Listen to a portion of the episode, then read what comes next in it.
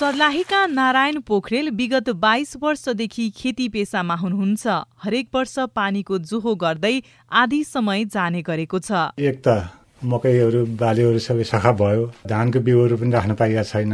अलिअलि राख्यो भने डढिराखेको छ। पानी नआएपछि घाँस पनि नपलाउने। सिँचाइ नभएकै कारण सुदूरपश्चिमको दार्चुलाका प्रकाश धामी र बैतडीका नरेन्द्र विष्ट खेती किसानीमा लाग्ने कि छाड्ने मनमै बहस गरिरहनु भएको छ। सिँचाइ अभाव हुँदा कृषि पेसाबाट पलायन हुने अवस्था छ। अझ भन्ने हो भने बर्सातमा सिँचाइ नहुँदा धान रोप्न समेत समस्या हुने गरिएको छ। आलु चाहिँ सुकिसकेको अवस्था छ। दोस्रो तरकारी लगाएको थियौँ। काउली भनौँ बन्द भनौँ त्यसलाई पनि असर परिरहेको छ। र अहिलेसम्म चाहिने बर्सात चाहिँ भइरहेको छैन। सत्र लाख छैसठी हजार हेक्टर क्षेत्रफल सिँचाइ योग्य जमिन छ। सरकारको पहलमा सुरु भएको सिँचाइको इतिहास हेर्ने हो भने छयानब्बे वर्षमा दस लाख हेक्टर क्षेत्रफलमा मात्रै सिँचाइ पुगेको छ।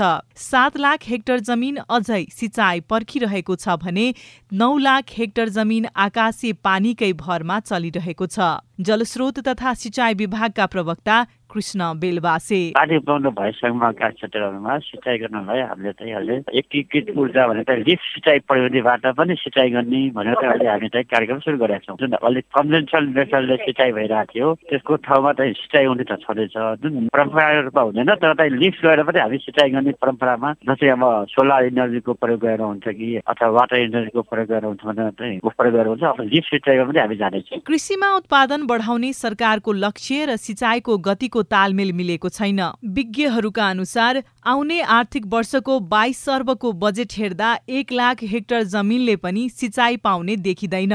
किसानलाई पानीको पहुँचमा पुर्याउन सरकार कसरी अघि बढ्छ?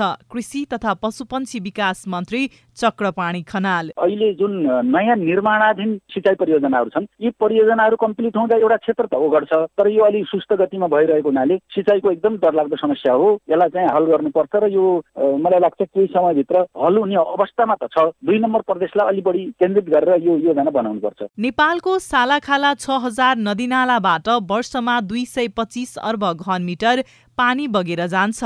तर जलस्रोत तथा सिँचाइ विभागका अनुसार हाल नेपालमा केन्द्रीय साना तथा ठूला र गैर सरकारी गरी जम्मा सत्ताइसवटा सिँचाइका परियोजनाहरू मात्रै सञ्चालनमा छन्।